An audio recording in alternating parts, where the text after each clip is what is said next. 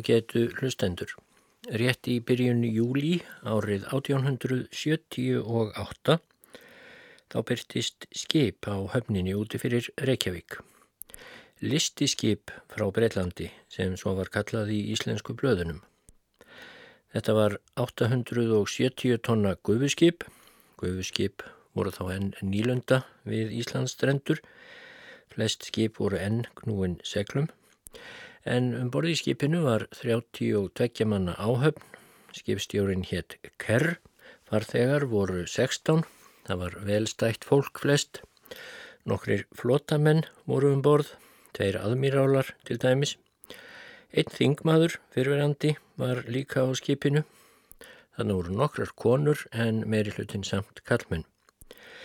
Þetta listiskip hétt Mastiff og nokkru síðar kom út á Breitlandi örlítið hver sem hétt How the Mastiffs Went to Iceland. Því höfundur hversins hann kallar sig og félaga sína hann var einn af farþegunum hann kallar þá The Mastiffs sem í íslenskri þýðingu er eh, kallað varðhundarnir. Og má það svo sem til sansvegar færa þar sem hundategundin Mastiff sem eh, skipið dró nafn sitt af, eru, þeir eru vissulega varðhundar. Þetta hver kom út á uh, íslensku fyrir 60 árum síðan, árið 1960, þýðandin var Bjarni Guðmundsson og hann nefndi þýðingu sína Íslandsferð Mastifs. Höfundur hversins hétt Antoni Trollop og á 19. öld var hann einn þekktasti og vinsælasti reithöfundur á Breitlandsegjum og víðarum heiminn. Slagaði svona hátt upp í vinsældir Charles Dickens þegar bestlétt. Hann skrifaði breyðar og miklar eh, sveitasögur, þjóðlífslýsingar á sinnhátt og þótt skáldskapurinn í þeim þykir kannski ekki verulega djúpur, þá hafa þær þó haldið gildi sínu og nokkrum vinsældum og á endanförnum áratugum hafa reglulega verið gerðir sjónvarpsþættir eftir sögum Trollops. The Barchester Chronicles hétt einn slík seria og var sínd hér á landi, held ég bara við ágættar vinsældir. En Antoni Trollop var sem sagt á ferð á Íslandi árið 1878 og skrifaði um ferðina þetta hver sem ég ætla nú að lesa úr í þessum þætti og vísast þeim næsta líka. En ég ætla þó að byrja á því að lesa eftirmála hversins þar sem ónefndur öfundur sem væntanlega er Bjarni Guðmundsson, þýðandi, skrifar um höfundin. Antoni Trollop fættist 1815 og var einhver vinsælasti rítufundur bretta á síðasta hluta 19. aldar og eru bækur hans enn allmikið lesnar. Hann vandist ungur á að skrifa því móður hans var rítufundur, hétt hún Francis Trollop og giftist Thomas Antoni Trollop, lærðum manni og starfsömmum. En Trollop var ákaflega óheppin í fjármálum og gengu efni þeirra brátt til þurðar svo viðla á gjaldrótti. Þau fluttust árið 1827 til Bandaríkjana en lendu þar einnig í Basli, fluttust á aftur til Englands 1831, slítu nokkuru síðar samvistum og lifði bóndin litlu lengur. En það er af Francis að segja að hún skrifaði bókum þjóðhætti í bandaríkunum Domestic Manners of the American sem kom út 1832 og vakti mikla káttínu í Breitlandi en það skrifuð af miklu fjöri og fyndni. En bandaríkjumenn þyktust við og töldu lýsingar hennar allt of skrýpalegur og móðgandi. En gengi frúdrálop hækkaði stöðugt upp frá þessu og þurft hún ekki aftur að kvíða um efnahagsinn. Þau 30 ár sem hún átti eftir ólifuð skrifaði hún meir en 50 bækur er allar seldust mjög vel. En nú vikur sögunni til Antonís sonar hennar. Á meðan foreldrar hans freystuðu gefunar vestra átti hann að sækja einn hinn að fornfrægu mentaskóla handa heldrimanna sónum eða public schools en þar líka honum lífið hefði versta, kom sér korki vel við nemyndur nýja kennara, kunni ströngum aganum illa og komst ekki í háskóla. Árið 1834 lauk hann því sem hann sjálfur nefndi skrýpapróf og komst að lokum í undirtillu stöðu hjá poststjórninni í Lundunum.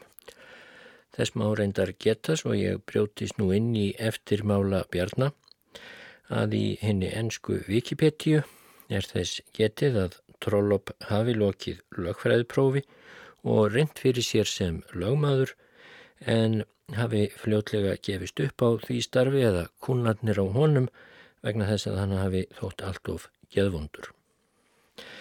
En hann var sem sagt komin til starfa hjá postinum í London og Bjarni heldur áfram.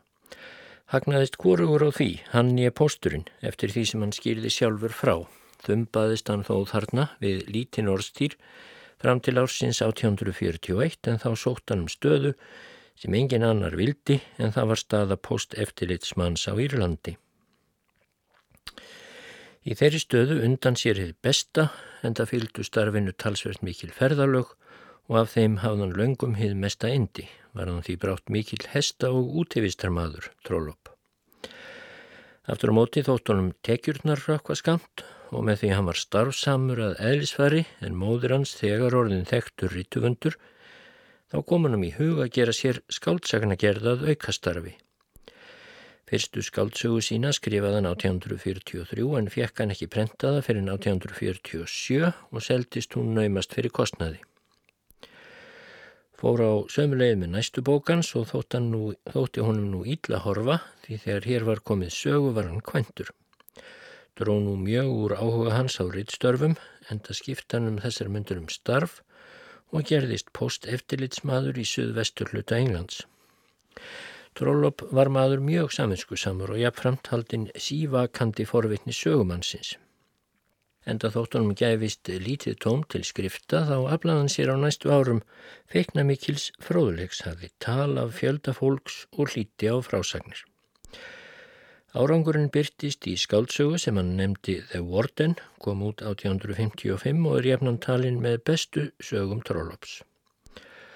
Nú tók honum að græðast nokkur tvið og því meir sem hann reytaði fleiri bækur, en jafnframt ógs vegur hans í ennbætti og traust poststjórnarinnar á honum. Hann var nú hvað eftir annað sendur utan til að semja um postmál meðal annars til Egiptalands og vestur Indíja. Árið 1861 held hann til Bandaríkjana, ekki sem sendi maður poststjórnar þó, heldur í orlofi á eigin kostnað og að þeirri ferð lokinni rítað hann viðlesna bók um Norður Ameríku sem kom út 1862. Líkaði bandaríkjumannum hún stórum betur en bók móður hans áður. Ekki mun að þó hafi verið hugmynd hans að gera neina sérstakka bragarbót fyrir gömlukonuna, heldur mun hitt að var áðið að hann var engin háðfugl, heldur góðviljaður maður og reynhjartaður. Aðrar ferðabækur ritaði hann nokkrar enda nutust líkar bækur mikillar hilli lesenda um þær myndir, má þar nefna bækur um Ástralíu og Nýjasjáland og tvekja bindarít um Suður Afríku, auk þessa bókar Kornsum Íslandsferðans sem óvíða er þó getið í æfisögum hans. En megnið af rítum hans er þó skáldsögur, langar og stuttar og byrtust margar þeirra fyrst sem framhaldssögur í tímaritum. Í æfisögu sinni sem gefin var út að honum látnum gerir Trollopp æði opinskáa grein fyrir rittferðli sínum Ekki gerir hann þar mikið úr innblæstri og skáldlegu hugarflugi og hvaðist lítils metta þann reytöfund sem ekki geti farið ofan klukkan hálf sex og verið búin að skrifa 2500 orð fyrir morgunverð eins og hafi verið sinn síður. Og það má geta þess til fróðlegs að 2500 orð eru svona cirka eins og hálfur þáttur af frjálsum höndum. En Bjarni heldur áfram. Það er mála sannast að skáldmenni var Antoni Trollopp ekki mikið í venjulegri merkingu. Hann var það sem hann kallaði sig sjálfur góður sögumadur. Lýsingar hans eru liprar og jafnan mjög nærri sanni. Hann var realisti, staðurindir voru honum meira í mun en hugarflug en það verður hann sjaldan staðin að ónákvæmni. Er einhverjum til þess tekið að sögupersonur hans eru jafnan sjálfum sér samkvæmar. En þá dregi ég hér fram hverið sem hann skrifaði um Íslandsferð sína á The Mastiffs Went to Iceland. Hópurinn kom við fyrst á Santi Kildu sem er einn söðureia út af Skotlandströndum og síðan í Færium. Ég ætla að grýpa aðeins niður í kaplanum um heimsóknina til Santi Kildu. Það búa milli 70 og 80 manns á eiginni, skrifar Trollop, og að fullorðinu fólki eru konur í svo miklu meiri hluta að þær eru næstum tvær um einn. Þetta stafar vitaskuld af því að pildarnir eiga auðveldara með að koma sér á brott en stúlkurnar. Mér var sagt að nú væru tveir karlmenn ókvæntir á samti kildu en tólf stúlkur ógiftar á besta aldri. Fátt er óhóllara mannlegu samfélagi en því líkt ástand nema ef vera skildi tíðar giftingar náina skildmenna en slíkt hlítur að gerast það sem aðeins fáeinar fjölskyldur búa saman fjari öðru fólki. Mér var tjáð að ættarnöfn þessara átján fjölskyldna sem á samt í kildu búa væri ekki nema sex. MacDonald, McCrinnan, McKinnon, McQueen, Gillies og Ferguson. Allir eru íbúarnir læsir og nóg er hér um biblíur á henni gelísku skosku. Fólkið er vafalist trúrækið en segja mætti mér að það væri nýtt til hjátrúar svo sem verða villi í slíku fásinni en fólki lítur vel út og er myndarlegt. Ekki skortir það heldur handlagnina, en það verður hér hver maður að sinna mörgu af því sem í borgum er talið til handiðina. Hér er hver maður sinn skrattari og skóari. Ullina lita samt í kildumenn sjálfur, húsgögnin smíðaðir og kertin steipaðir. En almennasta atvinnugreinin er fugglatekja, fyrrið seljaðir en fugglana getaðir. Mest getaðir af fíl og fekk ég ekki tækifæri til að bragða hann. En eina enskumælandi konan á eiginni, frú MacDonald, sem fættir og uppalinn í Sutherlandshire, saði mér að hún hefði átt fjarska erfitt með að venjast bragðinu af fílnum og hvaðst ennþann dag í dag eiga full erfitt með að koma niður meira en smá bita af mjög ungum fugli. Stundum borðamenn brauð og stundum er matbúin stappa úr fuggli og havramjöli og trú ég því naumast að nokkurum muni þykja sá matur góður utan eigaskekkjum. Stundum gæði þeir sér líka á hökkuðu kindakjöti og stundum á graut. Borið hefur við að fólkið á samti kildu væri að nýðurfalli komið af hungri, en þá hefur þeim lagst eitthvað til, það mætti kalla það ölmusu aðstóð. Ferðamaður sem þarna kom fyrir nokkru skýrði frá því að hann hefði síðan 20 verkuð sögðakróf í skemmu. Það fylgdi sögunni að kjöttið hefði maður nokkur flutt til samt í kild frá annar eigi og væri það hans eign. Sjálfsagt voru þessir flutningar til blessunnar fyrir eigamenn en vafa samt er hvort eigandin grætti nokkuð á þeim. Ég gatt þess að samt í kildumenn litu hraustlega út en það má ráða af hilbriði skýslu sama ferðalangs sem heitir Magdjarmet að þeir séu ákaflega næmir fyrir til dæmi skikt og kirtlaveiki. En verstur er þá barnasjúkdómur sem þarna geysar og ekki hefur fundist orsök að. Börnin taka veikina og deyja eitthvað átta daga gömul. Þetta sagðu mér margir og verðist þessi pest svo almenn og útbreytt að fleiri börn degi í bernsku en þau sem til manns komast. Þetta er um eiguna að segja, samt í kildu. Þetta er svipmikill staður og gyrnilegur til fróðuleiks, en þetta landkorn getur tæpast bröðfætt nokkurt fólk.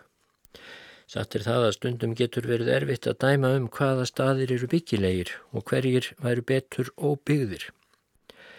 En hitt hygg ég mála sannast að geti fólk ekki lifað af landsins skæðum án þess að þykja ölmusur af öðrum, þá eru þar harla litlir landkostir. Mörg eru löndin máttu og fjáð, þó að þau fullnægi ekki öllum þörfum íbúana. En ekkert land getur talist byggilegt nema að gefi af sér nöðsynlega rafurðir svo að landsmenn geti þó að minnstakosti kift sér það sem á vandar. Á samt í kildu var því vissulega ekki til að dreifa. Við reikuðum meðal kotana í tvo tíma og kynntumst fólkinu. Síðan heldum við ofan í fjöru og allur skarinn, ef svo má segja, á eftir. Karlmennir leitt okkur yfir slift fjörugrjótið og komið margir þeirra um borð, svo sem til að aðtuga hvort eitthvað skildir nú ekki vanta og til að kveðja þessa kindugu gesti. Konan, svo hinn enskumælandi, hvartaðundan vanlíðan, sagði sig langaði lítilsáttar brennivín vegna magans. Eftir því sem mér skildist var ekki vín drópað að fá á allri eigunni svo að eigaskekkjar hafa þó að minnstakosti sloppi við eitthvað af bölfun um heimsins. Ég hafði tekið á mig nokkra ábyrð út af vanhelsu konunnar og fekk ég að bonda hennar brennivínið að skilnaði. Þegar við sildum brott higg ég að fólkið hafi blessað okkur að minnstakosti rópaða hátt á sínu máli. En hver er nú komin til að segja að flytja ætti þetta fólk burt úr heimkinnum sínum og koma því fyrir einhver staðar á meginlandinu? Ekki hef ég kjark til þess. Ef eigaskekkjar væri sjálfur spurðir, þá má búast við að þeir letu sér fátum finnast.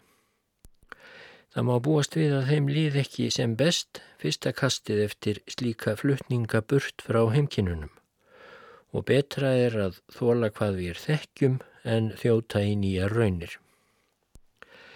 En ekki er lífið fólkinu á samt í kildu létt og verð lítur afkomendum þeirra að vegna.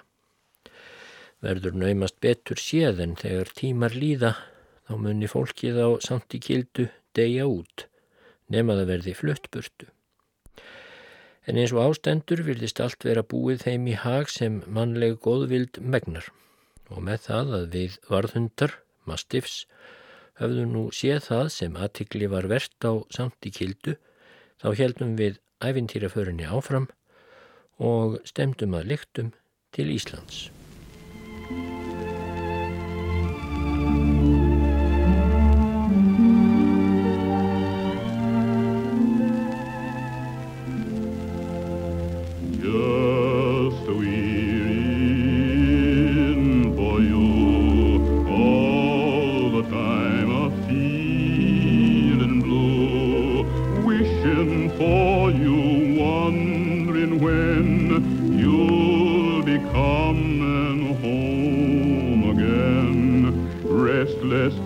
know what to do. Just a waiting for you.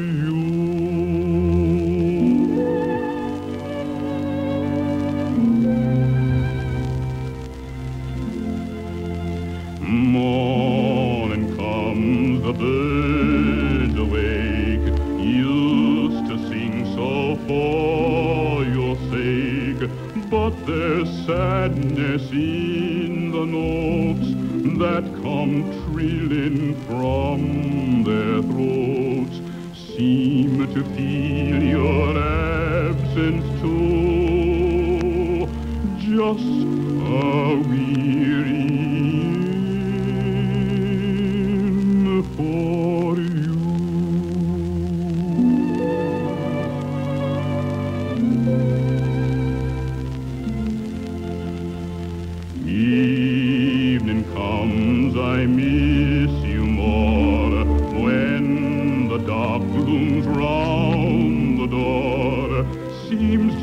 like you ought to be there to open it for me.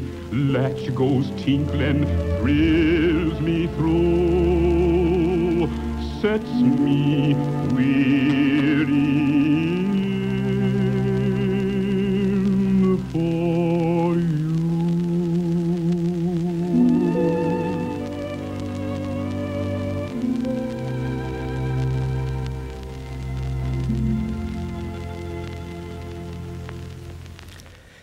Við sildum með fram söður og síðan söðvestur strönd Íslands og horðum förðu lostin af allan þann snjó sem fyllt í dalina næstum niður undir sjávarmál.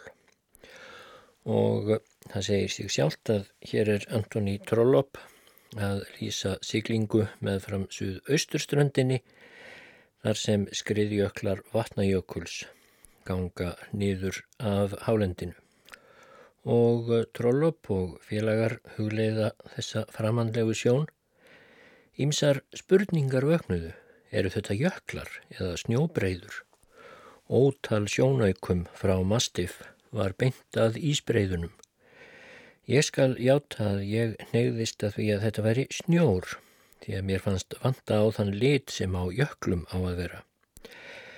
En ég er hættur um að mér hafi skjáttlast og þetta hafi verið jöklar. Stærðin var gífurleg, eitthvað 12 mílur á breytt og 30-40 mílur á lengt. En Nokkru síðar vorum við komin í Reykjavíkur höfn, eldsnema morguns. Okkur varð litið á fjörðin, eigarnar og nesin og vorum jafnskjótt gripin þeirri tilfinningu að við hefðum lífað eitthvað merkilegt. Það fyrsta sem við karlmenninir gerðum var að fara í bað við skipstígan. Sjórin var notalega kyrr, hlýr og svalur í senn eins og sjór getur unaðslegustur orðið í stillu.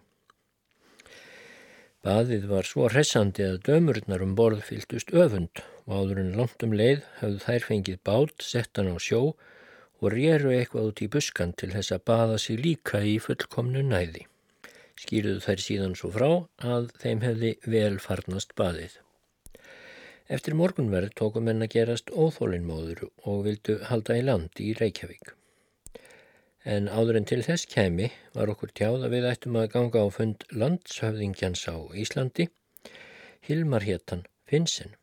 Þetta mátti kalla beina fyrirskipun frá James Burns sem var eigandi Mastiff og leiðtogi leiðungursins.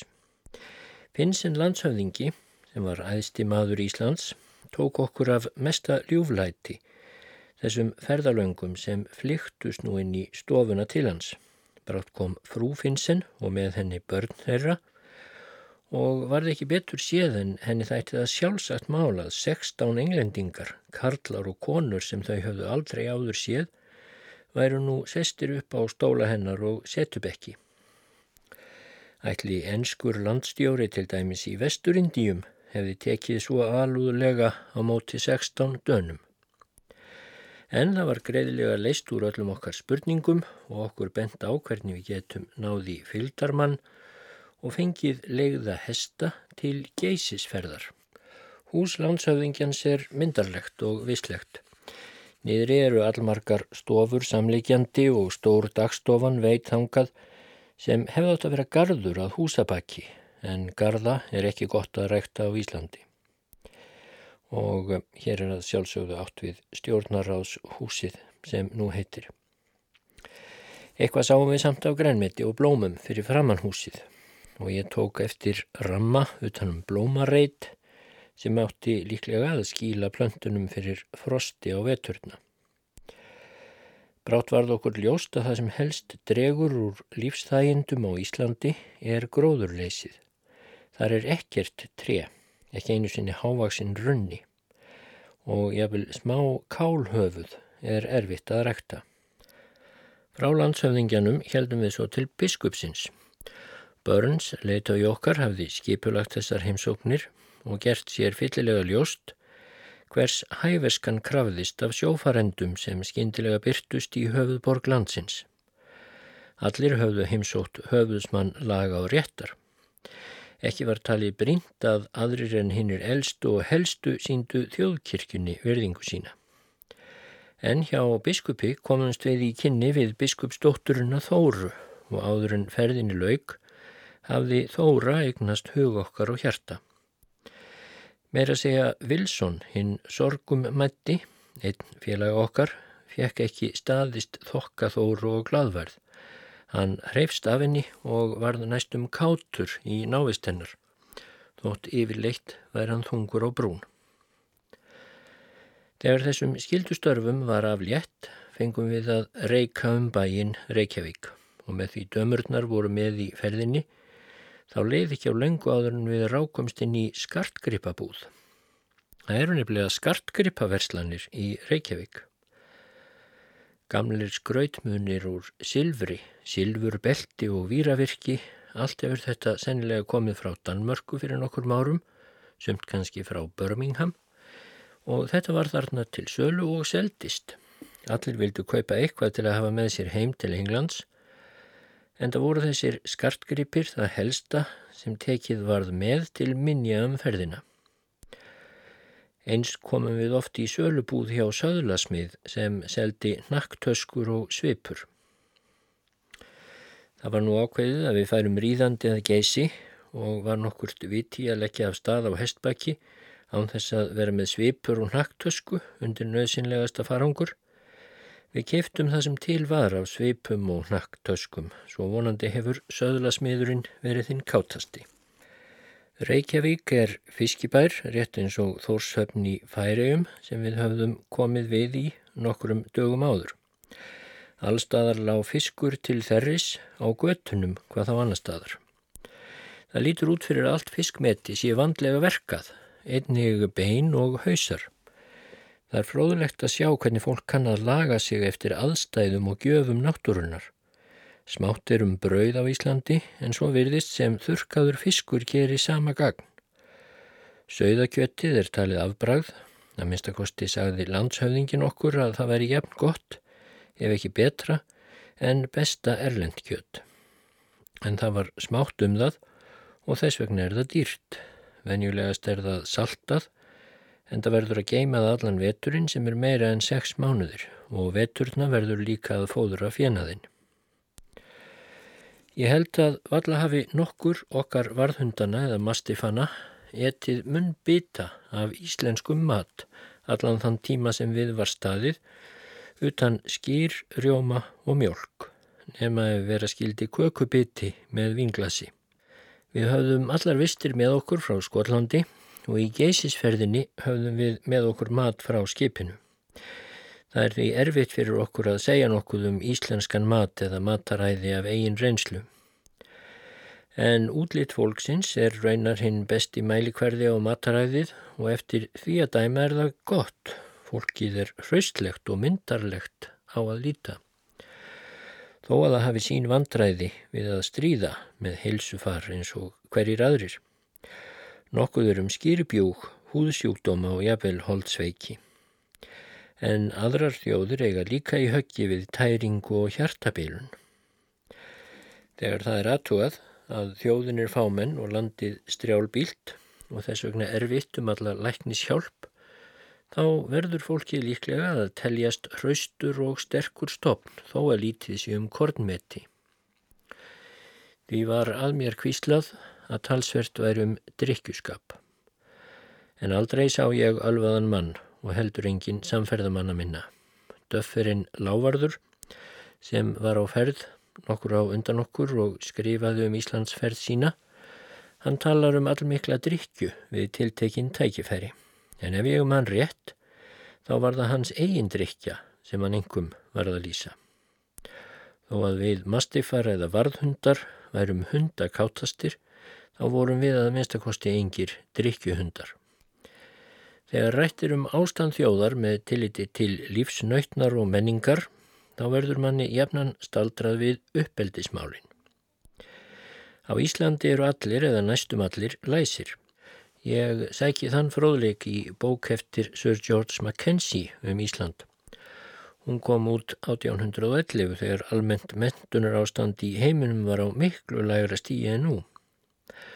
Undir eftirliti prestana og samkvæmt aldagömmlum landsíð er haldið uppi reglubundinni heimafræðslu. Fræðsla barnana er raunar eitt af störfum Íslendingsins og á þeim tímum sem litli kofin hans er næstum grafin í vetrarsnjóin en úti ríkir dimma og kuldi þá leggur byrtu frá lísislampa á bók Íslendingsins og af henni lesa hann heimilisfólkinu fróðleik, guðsorð og lífsbeki. Mackenzie lýsir því síðan að samkvæmt förnum landslögum er presti heimilt að neyta að výja hjónaefni ef annarkort er ólæst. Ekki myndi tjó að framfylgja slíkum lögum á Englandi en sá hugsunarháttur og svo virðing fyrir mentun sem slík lög bera vitni um er sannarlega öfunnsvert. Og það er heldur ekkert smáræði sem Íslendingarnir lesa. Naumast er hér um að ræða nokkra yfirstjett, nýheldur nokkun hóp auðugra manna, svo sem á meðal vor, en það er hér ekkert um fína skóla og fremdar háskóla eins og þá sem þess konar fólk sendir börn sín á í vorulandi. En í Reykjavík er ágætti skóli sem stjórnað er af rektor og professorum og þar er klassísk menning í heðri höfð. Svo er þar líka óæðri skólar. Árangurinn má sjá á mentun þjóðarinnar. Macbeth hefur verið þýttur á íslensku og prentaður í Reykjavík. Auðvitað væri ekki í slíkt ráðist ef enginn vildi lesa Macbeth. Í landinu eru gefin út fimm blöð, tvö þeirra í Reykjavík. Burns fekk með dags fyrirvara prentaða sálma til þess að syngja við Guðstjónustu um borði í mastif. Það prentverk var príðilega af hendi leist. Einnir sá galli á Reykjavík sem mér kom hvað mest á óvart að það er engin banki. Það er engin viðskiptabanki á öllu landinu. Mér var sagt að mannfjöldin væri 90.000 og af þeim 2.500 í höfðustæðunum Reykjavík. Þó það sé eftir vil orðum auki þá er það samt nógu margt mentaðra manna til að krefjast slíkra þæginda sem banki má veita. Innflutningur og útflutningur er all mikill, fiskur, lísi, gærur, tólk og ull er selt í skiptum fyrir timbur, te, sikur og allar þær þúsundir smáhluta sem menningar samfélag notar á þess að gera sér þess grein endilega en ekkert er flutt inn eða út nema greiðslega komi fyrir í vörum og er það fornfálegur viðskiptamáti. Maður sem flytur inn tiltekið magna timbri eða te verður að flytja út ámóta mikið af ull eða fiski, hvort sem honum hendar eða ekki. Greiðslu skýrteini eins og bankaseðlar og vikslar eru óþægt fyrir brygði á Íslandi. Það gerir bankaleysið. Ferðamenn sem til Íslands fara verða því að hafa með sér sláttumynd upp í allar greiðslur.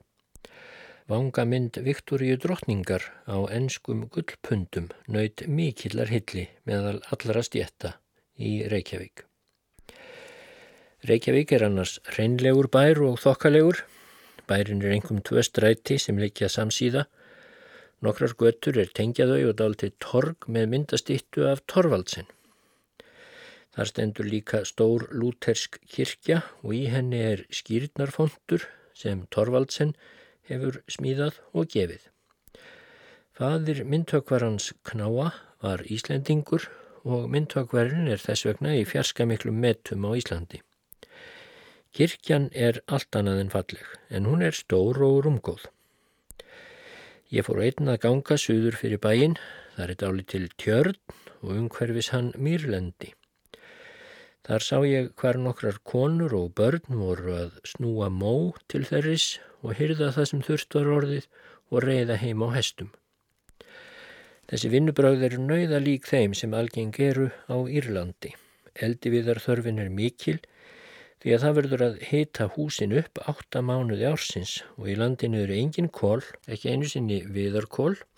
Skosk kól eru fáanlegi í Reykjavík en með því að allt verður að flytja á hestbaki upp um sveitir er að sjálfsögðu fjarska lítið um kól annar staðar. Þá segir af samkvæmislífi. Á meðan við varðhundar vorum í léttúð okkar að kaupa silfurmuni og spjalla við notalegt fólk í búðunum, það var ekki betur séð en flestir töluðu dálitið í ensku, þá var Burns leitt á í okkar að sinna miklu alvarlegri störfum. Hann ætlaði sér að bjóða öllum helstu borgurum bæjarins til kvöldverðar um borði í Mastif laugardaginn næstan á eftir. En með því að nú var komið fram á föstu dag þá var það að láta hendur standa fram úr ermum og Börns var ráðin í að láta hvern farþega að gera skildu sína. Ég hef naumast vitaðu ljúvari gestgjafa en Börns en strángari húsbúnda hef ég hins vegar aldrei þjónað. Það var nefnilega jafnframt ráðið að auk kvöldverðarins ættum við að borða út í máltíð á einhverju eigunni og það var ekki öðrum degi til að dreifa en laugardeginum líka. Allir komist nú samt slisa löst yfir þessa miklu matarþraut en það þótt mér sé enn ráðgáta hvernig matsveitnin annaði þessu öllu.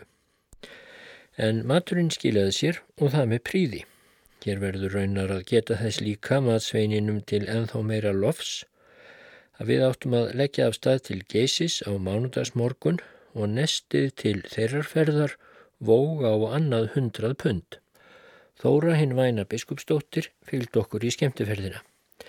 Það virtist líka henni í léttu rúmi hvaða mál hún talaði, að minnstakosti var hún flugumælt á ensku. Við fórum þrjár fjórar mílur frá skipinu og skipsbátunum og lendum á eigu þar sem aðal atvinnuvegurinn virtist vera æðarfuglarægt. Úr æðardúninum búa þjóðverjar til þessar hlýju, léttu, mjúku og hálu sængur sem englendingar missa alltaf ofan af sér þegar þeir reyna að sofa í þýskum rúmum. Sjálfum er mér ekkert um æðardún gefið, en það lítur að vera gott að eiga æðarvarp með eitthvað 2500 kollum á Íslandi þegar dún pundið er selt á 12 sílinga. Þóra fór með okkur beint til húsins þar sem æðar eigandin býr og þar tókum við til óspiltra málana og keiftum alla silfurgripina.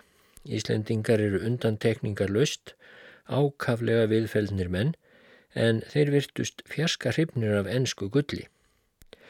Ekki var mér ljóst hvers vegna þessi silfurvarningur varðarna, en honum var raðað fyrir framann okkur á stóru píanói og við keiftum hann óðara. Húsið virtist vera stórt og rúmgott, ágætis hjallur í gömlum stíl og umhverfist það var mikið af út í húsum. Bakvið húsið var þurkvöllur fyrir æðardúnin sem virtist aðal framleiðslu vara bondans. Bondin á alla eiginu og eftir að hafa bóðið okkur til stofu fór hann með okkur út á hlað til að sína okkur kollurnar. Einn kollan satt hinn rólegasta í reyðri sínu. Hún fóðurar reyðrið með dún sem hún reytir af brjósti sér. Síðan rænir bondin dúninum og kollan reytir sig þá aftur. Síðan er reyðrið aftur rúið og hún reytir sig þá í þriðja sinn en oftar tekur hún slíkt ekki í mál. Síðan hún rændi í þriðja sinn þá hættir hún við allt saman. Þess vegna fær hún að halda þessum þriðja dún þánga til ungarnir eru skriðinir úr reyðrinu og þá fyrst fær bondin þriðju uppskeruna. Við snættum máltíð á fallegum stað og bondi og sonur hans snættu með okkur. Sónurinn er ungur og ákaflega lægin við kollurnar. Hér var það að Þóra hinn væna gerðist svo ljúf við Vilsson ferðafélag okkar að hann gafst algjörlega upp fyrir henni. Ætlan fari ekki bara aftur til Íslands. Ef það ætti nú fyrir Vilsson að liggja að gerast tengdasónur biskupsins yfir Íslandi, þá getur hann naumast verið þektur fyrir annað en taka vikslu og þá má telja víst að hann kemst í tölu virðingar mestu klerka á Íslandi. Okkur var ekki lengi til setunar bóðið yfir hátegisverðinum því við þurftum að flýta okkur aftur um borð til að bú okkur undir kvöldverðin mikla. Einhverjum kann að virðast sem ég hef ekki talað nógu innvirðulega um íslenskan mat hér áðan því ég gatt þess að hér væri smátt um kjöt og brauð en á hinbógin fæ ég ekki nokksamlega lofað íslenska matarlist. Því þegar við settum stil borðs klukkan halv átta þá voru við algjörlega búin að gleima henni stórkoslegu máltíð sem við neittum út undir beru lofti. Það var alltaf hætt við að mörg okkar gleimum þessari kvöldmáltíð um borði mastif. Sjálf vorum við 16, við vorum alltaf 16 því að aldrei skildi leiður okkar utan einu sinni en aukeina 16 varðhunda voru 14 merkir Íslendingar boðunir til veislunar. Það best ég telji þá upp, svo að enginn gleimist þegar sagan verður betur skráð. Þeir voru Hilmar Finnsen, landsauðingi og kona hans, frú Ólúfa Finnsen, Bergur Torberg amtmaður og frú hans, Átni Torsteinsson landfógeti, Pétur biskup Pétursson og biskupsfrúin, Þóra Pétursdóttir, dóttir þeirra og enga vinnur okkar. Jón Pétursson, há yfir dómari og fórseti landsyfirjættar, Jón Þorkjelsson, rektor latínuskólans, Jón Árnason, umsjónarmadur latínuskólans og þjóðsagnasafnari, Sigriður Jónsdóttir og Guðrún Knúðsen, tvær ungar og fallegar stúlkur í þjóðbúningum og loks Jón Jónsson, bæjarfógeti í Reykjavík. Það var sem sagt 30 manna hópur sem snættu um borð í Mastif þetta kvöld í Reykjavíkur höfn. Skipið var fánum skreitt þegar gesturinnir komið um borð og hleyft var af fallbissum þeim til heiðurs. Mér var svo virðing sínd, þar sem ég var elstur farþegana um borð, að vera skipað til vinstri handar landshauðingjafrúnni og fá Þóru biskupsdóttur við hinnahliðina. Var það mér til hinnar mestu ánægu. Raunar var Þóra biskupsdóttir orðin slíkur alda vinnur okkar, næstum eina voss þegar hér var komið sögu, að hún skrafaði ímsum öðrum til skemmtunar. En ég snýri mér engum að landshöfðingja frúnni Ólúfu. Hún talaði líka ensku og saði mér margt um sína hægi og landshægi yfir leitt. Ég hef þekkt margar enskar hefðarkonur áratugum saman en kynst heim miður en ég kynntist frú Ólöfu Finnsen þetta kvöld í raun og veru. Hún er fríðkona, dökkarð, alúðleg, brósýr með fremur stórt andlit, björt augu og svo skaplí og skemmtileg að ég mun lengi minnast hennar. Hún kunni frá mörgu að segja um börnin sín, drengina sem voru við nám í Danmörku og hvað eina bæði gott og ílt um ástanda á Íslandi. Þau hjón höfðu flust til Íslands frá Danmörku en hún hvaðst kunna vel við sig í Reykjavík. Landshöfðingin sjálfur talaði frönsku en flestir hinna ensku að einu með að tveimur undanteknum sem ekki kunnu neitt utan íslensku og dönsku annað en þá latínu og vorum við varðhundar mun meiri klauvar en íslendingar í þeirri tungu. Í lokveislunar mælti Börns fyrir þrenn minni. Þið fyrsta var vitaskuld minni drottningarvorrar og heið næsta vitaskuld minni Danakonungs sem er fadir vors ágæta drottningarefnis. En loks mæltan fyrir minni heiðurskestsins, landshöfðingjans Finnsens, sem svaraði fyrir sig á frönsku, bauð okkur öll innilega velkomin til Reykjavíkur og óskaði okkur góðrar ferðar til geysis. Loks var drukkið minni kvenna og síðan haldið upp á þiljur á mastif til að dansa. Klukkan var orðin tíu en samt var að sjálfsögðu bjart af degi. Ég hef oft verið vistatur dansleiki á þilfari að kvöldlagi, oft á tíðum í hitabeltinu, í mollu lofti þegar hefur þurft að hingja ljósker í reyðan til að dömurnar geti séð fótum sínum forráð. Hér þurfti engin ljósker og í svölu morgunloftinu var ágætt að hreyfa sig. Það er annars undarlegt að kynast þessum björtu nóttum. Það er ekkert sem rekar á eftirmanni að fara í bólið og mönnum hættir til að vera á fótum fram yfir allar aldir þar til þreytan fer að gera vart við sig og gemur eiginlega flatt upp á mann. Þá er best að fleia síðasta vindlinum, gleipa í sig síðasta droppan af viskiblöndunni og hraða sér í rúmið. Maður undrast þetta, eins og sagt er, að hanarnir rugglist þegar þeir eru fluttir frá Englandi til Íslands og hætta að hafa hugbóðum hvenar þeir eigað gala. Að minnstakosti vissi engin í þessu samkvæmi hvenar átt að gala. Það var engu líkar en fólkið væri að dansa á miðjum degi. Þóra biskupsdóttir var klætt eins og tískan bauð í Lundunum eða París. Hinnar íslensku þokkadísirnar, er Sigríður og Guðrún, voru klættar hinnum skrautlegasta þjóðbúningi. Hann er ákaflega ólíkur venjulegum kvennbúnaði, engum þó að því er snertir höfuðbúnaðin. Það er hvít húfa með að ég hegg gulum böndum aftur úr, ekki óseipuð hjálmi mínervu í læginu og snýr krókurinn fram. Yfir þessu kvílir þunnslæða niður um axlir og aftur og bak en er ekki fyrir andletinu. Þá kemur léttur jakki að nokkru opinn í miðið með fallegum nöppum framann á og á ermunum.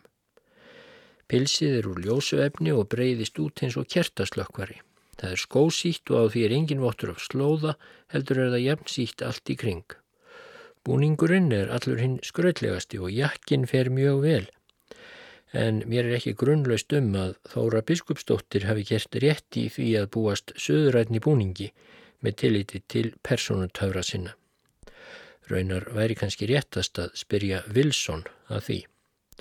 Það var orðið álíðið þegar landshöfðingin og fylgdalið hans heldu í land og gestir allir en við varðhundar kvöttumann með húrarópum.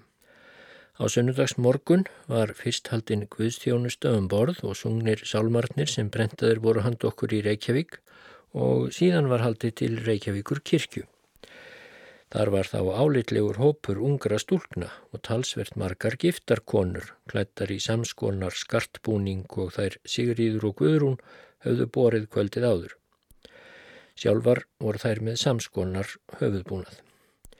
Ekki heyrðist mér betur en kvíslað væri að Reykjavíkur dömurnar hefðu sennileg ekki verið eins prúðbúnar þennan sunnudag ef ekki hefðu verið von á breskum gestum til kirkju.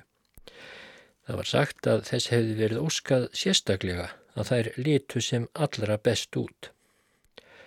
Messan var laung, hálfur þriðji klukkutími og sálmarnir margir, einir fimm minnir mig. Við skildum náttúrulega ekki orð af ræðu pressins en hún virtist vera áhrifamikil.